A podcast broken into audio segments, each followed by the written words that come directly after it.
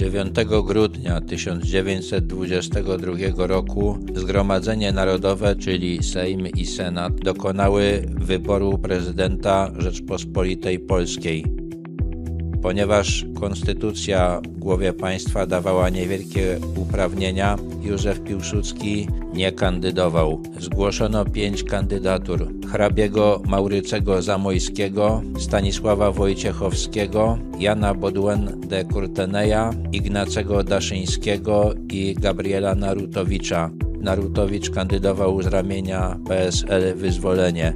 Zgodził się na to, ponieważ uważał, że nie ma szans na wygranie tych wyborów. Piłsudski odradzał mu to, uważając, że nie poradzi sobie z problemami, które stoją przed prezydentem.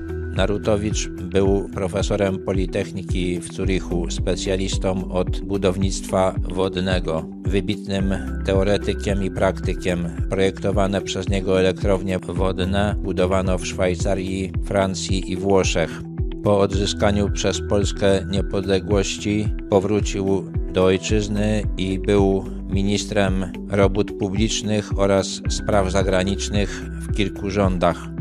Głosowanie prowadzono w taki sposób, że jeżeli żaden z kandydatów nie uzyskał absolutnej większości, to odpadał ten, który miał najmniejsze poparcie i urządzano następne głosowanie. Ostatecznie Narutowicz wygrał z hrabią zamojskim, bo poparli go posłowie mniejszości narodowych i lewicy. Po tej porażce wyborczej Narodowa Demokracja rozpętała kampanię przeciwko Narutowiczowi.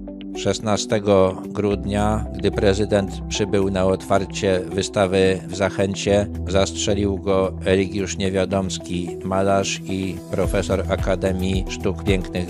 Zapytany, jak mogłeś podnieść rękę na pierwszego obywatela Rzeczpospolitej, odpowiedział za żydowskie pieniądze wybranego.